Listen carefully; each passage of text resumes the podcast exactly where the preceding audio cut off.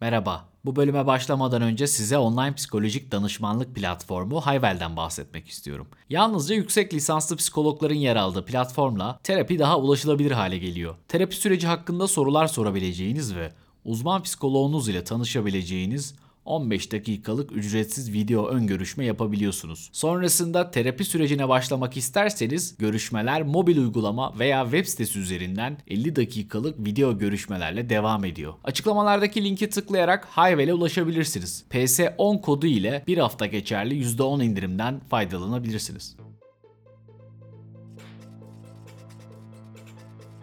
Merhaba herkese. Cengiz ben. Duvarın Ardına hoş geldiniz. Yanımda İbrahim var. Bugün bu podcast bölümünde kıskançlığa iki psikiyatristin bakışıyla yaklaşacağız ve hastalıklı süreçlerden ziyade ilişkilerdeki özellikle de romantik ilişkilerdeki kıskançlık üzerine konuşacağız. Son zamanlarda sosyal medyada da oldukça konuşulan bir konu. Nasıl konuşuldu? Bu Zeynep Bastık ve Edis'in dansıyla beraber insanlar bir başka insanın göstermediği kıskançlık üzerine aslında çokça yorum yaptılar. Zeynep Bastık kocasını tırnak içinde gavatlıkla suçladılar. Bazıları çok ileri gitti hatta adını unuttum şimdi Zeynep Bastık'ın kocasının o böyle sosyal medyadan paylaştı kendine gelen hakaretleri, yorumları. Kıskançlık bizim toplumumuzda önemli bir şey. Yani sadece kendimizin göstermesi gereken kıskançlığı değil, bir başkasının göstermediği kıskançlıkla bile karşımıza çıkabilen bir durum. O yüzden çok herhalde yoğun yaşanan bir durum ve biz de bunun farklı yönlerine İbrahim'le beraber birlikte bakacağız. Tabii kıskançlık deyince akla haset de geliyor ve aslında kıskançlığa geçmeden önce bu psikanalitik literatürde kendine çok yer bulan haset kavramından da bahsetmek lazım. Melanie Klein'ın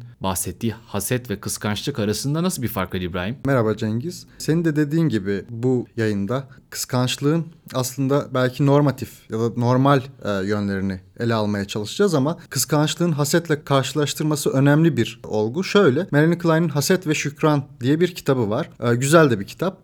O kitabın girişinde haset ve kıskançlık karşılaştırması yapıyor. Ona göre haset iki kişi arasında olan bir şeyken kıskançlık en az üç kişi arasında olan bir durum. Hasette kişi kendi karşısındaki muhatabını tamamen yok etmeye, kirletmeye uğraşırken kıskançlıkta muhatabın dışında da üçüncü bir kişinin olmasını şart koşuyor. Kıskançlıkla ilgili bir giriş yaptın. Yine kıskançlığın kendisiyle ilgili şöyle bir düzeltme yapmakta fayda var. Kıskançlık yalnızca belirli bir bireyin deneyimi olarak var olur. Yani bir şey, bir hastalık ya da İngilizce karşılığıyla bir entite değil de yaşanan bir ilişkidir. Yani e, aslında şöyle bir alıntıyla da devam edersem yani kıskançlık yalnızca aşkın deneyimlendiği bir yol değil o aynı zamanda bir varoluş biçimidir. Kıskançlığın arkasında da kendi kıskançlığı eşsiz ve benzersiz olan kıskanç bir birey vardır. Yani aslında bir insan kıskançtır ya da bir insan kıskanç değildirden ziyade bu 1-0 gibi sabit bir şey değildir. İlişki dinamikleri içerisinde artıp azalan, ortaya çıkabilen, şekil değiştiren bir ilişki kurma tarzıdır değil mi? Kesinlikle öyle. Yani kıskançlık bir bireyin kendi yaşantısı içinde sürekli değişebiliyor. Kişinin yaşamının içinde değişebiliyor. İlişkinin zamanı içinde değişebiliyor. Aslında Proust'un bu kayıp zamanın izinde kıskançlıkla ilgili tema çok güzel bir şekilde ele alınır. Oradan şöyle bir alıntı yapabilirim. Kıskançlık asla tekil, sürekli ve bölünemez bir tutku değildir. Peş peşe gelen çokluklarıyla bize bir süreklilik izlenimi, bir birlik yanılsaması verse de her biri geçici olan, birbirini izleyen sonsuz sayıda farklı kıskançlıklar vardır. İlişki içinde kıskançlık da sürekli şekil değiştirir. Bunu demek istiyor Prost. Sen ne diyebilirsin kıskançlığın dinamik yapısıyla ilgili Cengiz? Aslında bir duygunun deneyimini tanımlarken muhakeme, arzu, hayal gücü, duygular ve davranış gibi yönlerini ayrı ayrı ele almanın faydası var. Yani kıskançlık tek başına tartışılabilecek bir konu değil. Bir kompleks belki de. Duygular tüm yönelimsel durumlar gibi bir şeyle ilgilidir ve kıskançlık durumunda sevgili ve belki de daha az ölçüde rakiple ilgilidir. Ya kıskançlığın da muhatabı var değil mi? Onu içeren işte bir sevgili yönü var. Bir de sevgilinin kıskanıldığı rakip ya da aldatılan yani sevgilinin seçtiği kişi, seçtiği düşünülen kişi vardır. Kıskançlık ilişkiler bağlamında yani ortaya çıkar. Kültürel ve sosyal bir arka planı büyük ölçüde ilişkideki beklentileri ve kıskançlığın uyandığı bağlamı belirler. Sevilen kişi kıskançlığın nesnesi ve merkezi meselesidir. Yargılamalar, arzular, duygular, fanteziler ve davranışlar sevilen kişiye ve ikincil olarak aktüel veya sözde rakibe yönelik olabilir. Kıskançlık bir ilişkinin ilişkinin doğrudan dolaysız bağlamında belki de yaşanır. Sosyal ve kültürel gerçeklikler normları ve varsayımları belirler. Bu norm ve varsayımlar ise kıskanç kişi ve sevilen kişi için ilişkiyi oluşturur. Kıskançlık draması, burada bence bu drama kelimesi çok önemli. Deneyim ve zaman, mekan sınırları içerisinde oynanır. Peki bu dramada kıskanan kişi nasıl düşünür? İşler bu noktaya nasıl gelir? Aslında senin e, söylediğin gibi bütün düşüncelerimiz bizim önceki yargılarımıza, kültürel arka planımıza bağlıdır. Bu açık. Yani ben kıskançlıkla ilgili şunu düşünüyorum. Senin de dediğin gibi kıskanç kişi ya da kıskançlık bir sıfır gibi bir şey değildir. Belki kıskançlığı uyandırılan, tetiklenen kişi vardır demek lazım.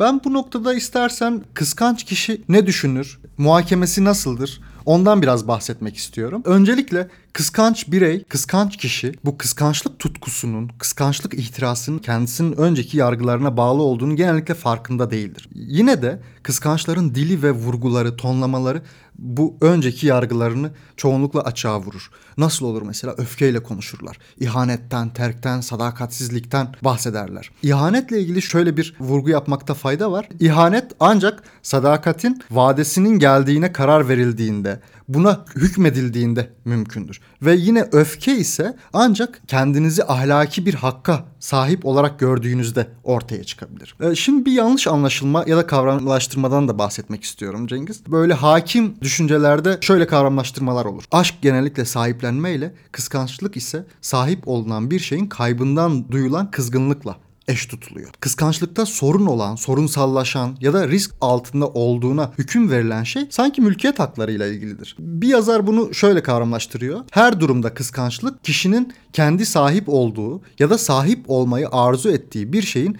tehdit altında olmasına karşı bir korku ya da öfke tepkisidir. Ama bu tür formülasyonlar en iyimser tabirle aslında yetersizdir. Çünkü çok basit bir şekilde söylersek aşkın eşsiz özelliği karşılıklılık içinde bulunan kişiler arasında gerçekleşmesidir. Sartre bunu şöyle tarif ediyor. Aşk bir şeye, bir nesneye sahip olunduğu gibi maşuka da sahip olmayı istemez ya da gerektirmez.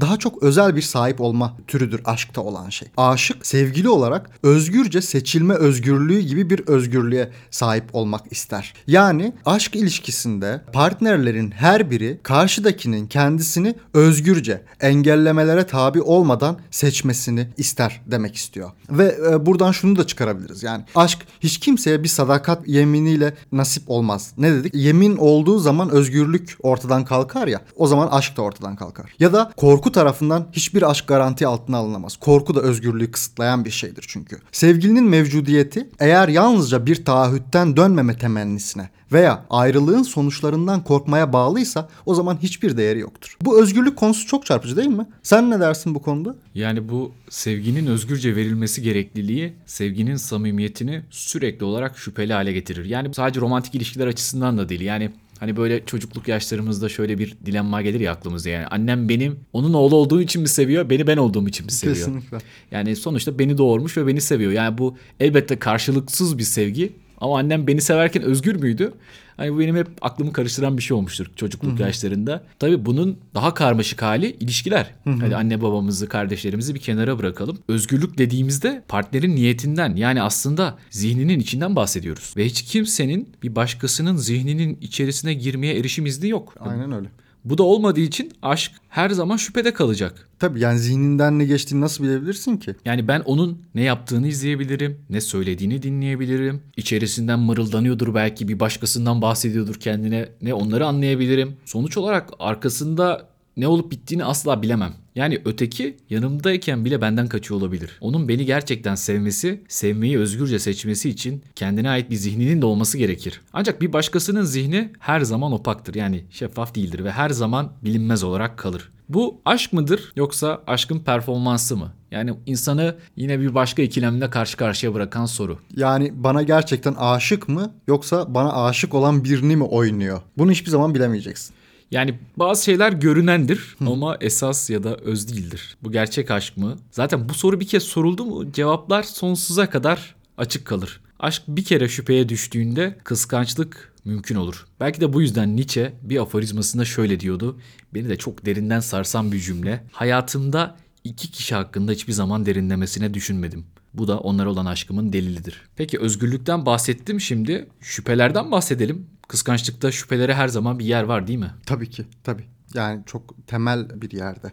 Dediğin gibi yani sen aşkın belki kurucu unsuru olarak özgürlüğü söyledin. Ben biraz şüpheden bahsedeyim ama daha açık olmak adına bir romandan kısaca bahsetsem daha iyi olur diye düşünüyorum. Şimdi öncelikle bu Anthony Trollope diye İngiliz bir yazar. Kitabı Türkçe'de yok. Haklı olduğunu biliyordu diye çevirebileceğimiz. Bu 1869'da basılıyor. 19. yüzyılın ortalarında Avrupa burjuvazisinin adetleri bağlamında kıskançlık temasını çok güzel ele alıyor. Kitap bir İngiliz beyefendisi olan Trevelyan'ın kıskançlıktan deliliğe ve ölüme doğru gidişini anlatıyor. Kişilerin isimlerini söylemek belki önemli olabilir. İşte Trevelyan var, karısı Emily var ve karısının da yavaş yavaş yakın dost olduğu bir albay var. Yaşlı, bekar bir albay. Albay Osborne. O olay şöyle oluyor. Trevelyan'ın kıskançlığı şöyle tetikleniyor. Trevelyan'ın karısı Emily bu yaşlı bekar albay Osborne'la sosyal bir yakınlık kurmaya başlıyor. Trevelyan başta bunu böyle cinsel olarak yakışıksız bir durum olarak değil de yani adab-ı umumiyede hatalı olabilecek bir hal olarak değerlendiriyor. Bir gün Trevelyan eşine bu konuyu, Emily'e bu konuyu açmak istiyor. Aslında Osborne'un bu eve ziyaretlerinin uygunsuzluğu açısından bu konuyu açmak istiyor. Bu romanlarda da hep şöyle bir tahaneler çizilir ya işte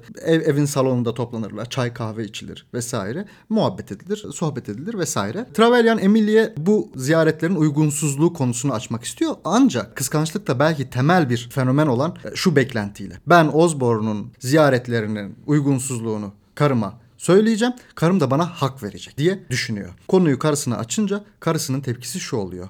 Ben senin gibi düşünmüyorum ancak ben senin karınım ve bir eşin göstermesi gereken sadakat, daha doğrusu sadakatten ziyade itaat sebebiyle sen ne istersen hatta ne emir verirsen ona uyarım. Ve işte Trevelyan'ın ikilemi burada başlıyor. Trevelyan bu durumda iki arada bir derede kalıyor. Çünkü şimdi Osborne'un ziyaretlerini eşine yasaklasa eşinin gerçekten bunu isteyip istemediğini bilmeyecek. Yani e- eşinin özgürlüğünü elinden alacak. Eğer yasaklamasa Osborne'la görüşmesine izin vermeye devam ederse bu sefer eşi kendisini aldatabilecek. Aslında bu Trevelyan'ın içinde bulunduğu hal kıskançlığın temel ikilemi. Trevelyan bu konuşmadan sonra bir hayli bocalamaya başlıyor. Belli dayatmalarda bulunuyor sonra onları geri çekiyor. Ve eşine sık sık şunu söylüyor. Yani benim gerçek isteklerimi, benim taleplerimi senin zaten bilmen lazım. Arzularımızın aynı olması lazım. Neden böyle bir anlaşmazlığa düştük diye eşine yakınıyor. Şimdi burada aslında zorlama bir itaat var değil mi? Ancak aşkın doğası gereği zorlama itaat işe yaramıyor. Ve zorlama itaat dahası aşkın temel bir ikilemidir. Çünkü aşkı kuran şey özgür ve istençle karar verilmiş bir mutabakat. Buradan Trevelyan'dan devam edersek yine romandan Trevelyan Emily'nin artık yeryüzündeki tek tanrısı olarak kendisiyle yetinmediğini, kendisine başka tanrılar yarattığı gerçeğinden yakınıyor. Trevelyan'ın ve birçok kıskancın talebi beni idolün yap, beni kahramanın yap. Sorulmadan ve sorgulamadan bunu özgürce yap. Dediğim gibi Trevelyan'da pek çok kişi gibi kıskançlığını kontrol altında tutması için gereken tek şey bu. Az önce senin de bahsettiğin gibi başkasının zihninin erişilemezliği bunu imkansız kılar. Hiç kimsenin gerçekten kahramanı olup olmadığımızı gerçek anlamda kendi duygularımız gibi bilemeyeceğiz. Sen bu romandan bahsedince edebiyat dünyasının bu dehlizlerinden çıkardığın romandan benim aklıma da Yakup Kadri'nin Ankara romanı geldi. Orada da Selma Nazif ve Binbaşı Hakkı Bey karakterleri var. Yani burada Albay Osborne var, orada Binbaşı Hakkı Bey var. Orada da Nazif Bey ve Selma Hanım evliliklerinin o başlangıcında Ankara'ya yerleştikleri sırada başından geçen bir takım hikayeler anlatılır. Nazif Bey Selma Hanım'ın Binbaşı Hakkı Bey ile yakınlaşmasını fark ediyor. Binbaşı Hakkı Bey işte Selma Hanım'a at bindiriyor, Ankara'yı gezdiriyor. Ama çok sesini çıkarmıyor. Tabii Yakup Kadri burada başka türlü bir mesaj vermeye çalışıyor. O en başta konuştuğumuz şey. Kıskançlık ve belki de sevgi ilişkinin bağlamında değişen bir şey. Hatta Ankara romanının en çarpıcı kısmı ülkenin değişen siyasal atmosferi de insanlar arasındaki ilişkinin bağlamını değiştiriyor. Bence bu çok çarpıcı. Yani Ankara'nın değişen kaderi Selma ve Nazif Bey arasındaki ilişkiyi de belirliyor. Ne oluyor?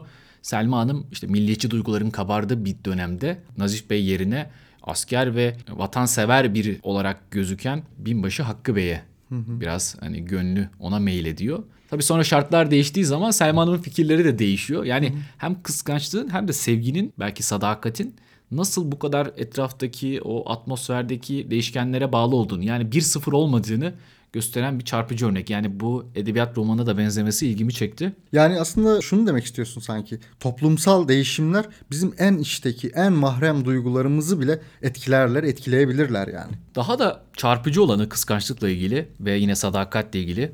Örneğin sadakatin sadece eylemde olması da yeterli değil. Yani Tabii. düşüncede de olmalıdır. Hani o zihne erişim iznim yok dedik ya. Yani o zaman bunu nasıl taahhüt altına alacağız? Hristiyan geleneği sadakati eylemde olduğu kadar düşüncede de tanımlama ihtiyacını destekliyor. Matta bölüm 5 28. ayet bunu kısa ve öz bir şekilde ortaya koyuyor zaten. Fakat ben size derim ki bir kadına şehvetle bakan onunla zaten kalbinde zina etmiş olur. İslam'da da ameller niyetlere göredir. Var ya benzer yani. Yine niyet ve düşüncenin ön planda olması yani. Kıskanç kişi sadece davranışta değil en derin düşünce ve fantazide bile partnerinin sevgi ve sadakatini talep eder. Yani Ama bu özgürce verilecek. Değil mi? Yani o sevgi ve sadakat özgürce verilecek. Bunun böyle çok uç örnekleri var. Yani kıskanç kişi hani mastürbasyon yaparken bile beni düşünmelisin. Yani bir filmde bir dizide erotik bir sahneyi gördüğünde de aklına ben gelmeliyim. Oradakiler gelmemeli. Yani o erişim iznine, o aksese çok önem veriyor ve bu da gerçekten hani imkansız bir şey. ve bu imkansızlık işleri iyice rayından çıkaran şeyler. Bazı yazarlar ilgiyi kaybetme korkusunu kıskançlık kompleksinin merkezine yerleştirmiştir. İlgi bir ilişkide kişinin benlik duygusunun güçlenmesi ve oluşması için hayati bir önemdedir. İşte kıskançlıkta bu ilgi ve saygının başkasına kayma korkusu vardır. Yani bu ilginin bir başkasına kayması, kıskançlığın tetiklenmesi bu aslında sevginin azaldığı ya da bittiği anlamına gelmez değil mi? Tabii tabii. Yani şöyle aslında çoğunlukla kıskançlıkta kişi вещи partneriyle sevgi ilişkisini kaybettiği kanaatine varmıyor. Daha çok kendisinden bir şey çalındığını düşünüyor. Yani kıskanç kişi kendince haklı olarak ona ait olduğunu düşündüğü şeyin hileyle, zorbalıkla belki kendisinden alındığını hissediyor. Ama hile duygusu daha fazla. Arkamdan bir şey yapıyorlar. Kıskanmak kendini kurban olarak düşünmek ve bunun verdiği sıkıntı için başkalarını suçlamaktır aslında bir yerde. Kıskançlık kayba karşı bir itirazı içeriyor ve bu itiraz ilişkinin kaybının da yakın olduğuna dair bir yargıdan kaynaklanıyor. Dediğim gibi burada bir yargı, bir kanaat var. Şimdi yargı ve kanaat düşünsel etkinlikler değil mi? Ve eğer kıskançlık yargılara ve bir derecede seçmeye bağlıysa o zaman akıl bu kıskançlık durumuna karşı savunma yapabilmelidir çıkarımında bulunabiliriz. Partnerin sadakatsizliğinin ya da sadakatsizlik ihtimalinin verdiği zorluğa karşı akılcı, rasyonel yanıt kıskançlıktan ziyade ironi veya mizah olabilir. Ben bu noktada aslında Kierkegaard'ın Sokrates'le ilgili söz ettiği bir anekdottan bahsedebilirim. Kierkegaard alıntıya şöyle başlıyor. Aklın şu mükemmel örneğini düşünün bir. Sokrates karısının kendisini aldattığını kazara fark ettiğinde. Kazara diyor çünkü Sokrates'in karısının sadakati konusunda derinden endişe duyduğunu veya sadakatsizliğinden ötürü onu takip edebileceğini düşünmek esasen Sokrates için gayri sokratik olurdu. Kierkegaard'ın aktardığına göre Sokrates karısının kendisini aldattığını fark ettiğinde sadece gülümsüyor. Ve Kierkegaard şöyle güzel bir şekilde devam ediyor. Atina'nın en çirkin erkeğini en yakışıklı erkeğine dönüştüren bu ince gülümsemenin bir kahkaha kükremesine dönüşmüş olması gerektiğine inanıyorum. Yani gülümseme gibi naif, belki nazik bir davranış aslında bir karşı çıkış. Sokrates'in aldatılıp aldatılmadığının bir önemi yoktur. O alnında boynuzlarla aynı entelektüel kahraman olarak kalır. Ama kıskanacak olsaydı Sokrates'in durumu gülünç olurdu. Bu noktada başka bir filozoftan da örnek verebiliriz. Bertrand Russell da aklın kıskançlığı evcilleştirdiği konusunda benzer ve çarpıcı görüşler dile getiriyor. Burada takınılması gereken tutum ona göre sadece rasyonel ya da akli bir tutum değil, aynı zamanda sevgiliye karşı hoşgörülü ve biraz da mizahi bir tutumdur. Aslında bu alıntılardan bir anlamda şunu çıkarabiliriz. Benlik saygısını romantik ilişkilere sokmaktan kaçınabilen ve mesafeli ve ironik kalabilen kişiler kıskançlığa karşı daha bir korunaklı olabilirler. Cengiz şimdiye kadar e, hep düşünceden, yargıdan söz ettik. Ama kıskançlığın yakıcı da bir tarafı yok mu sence?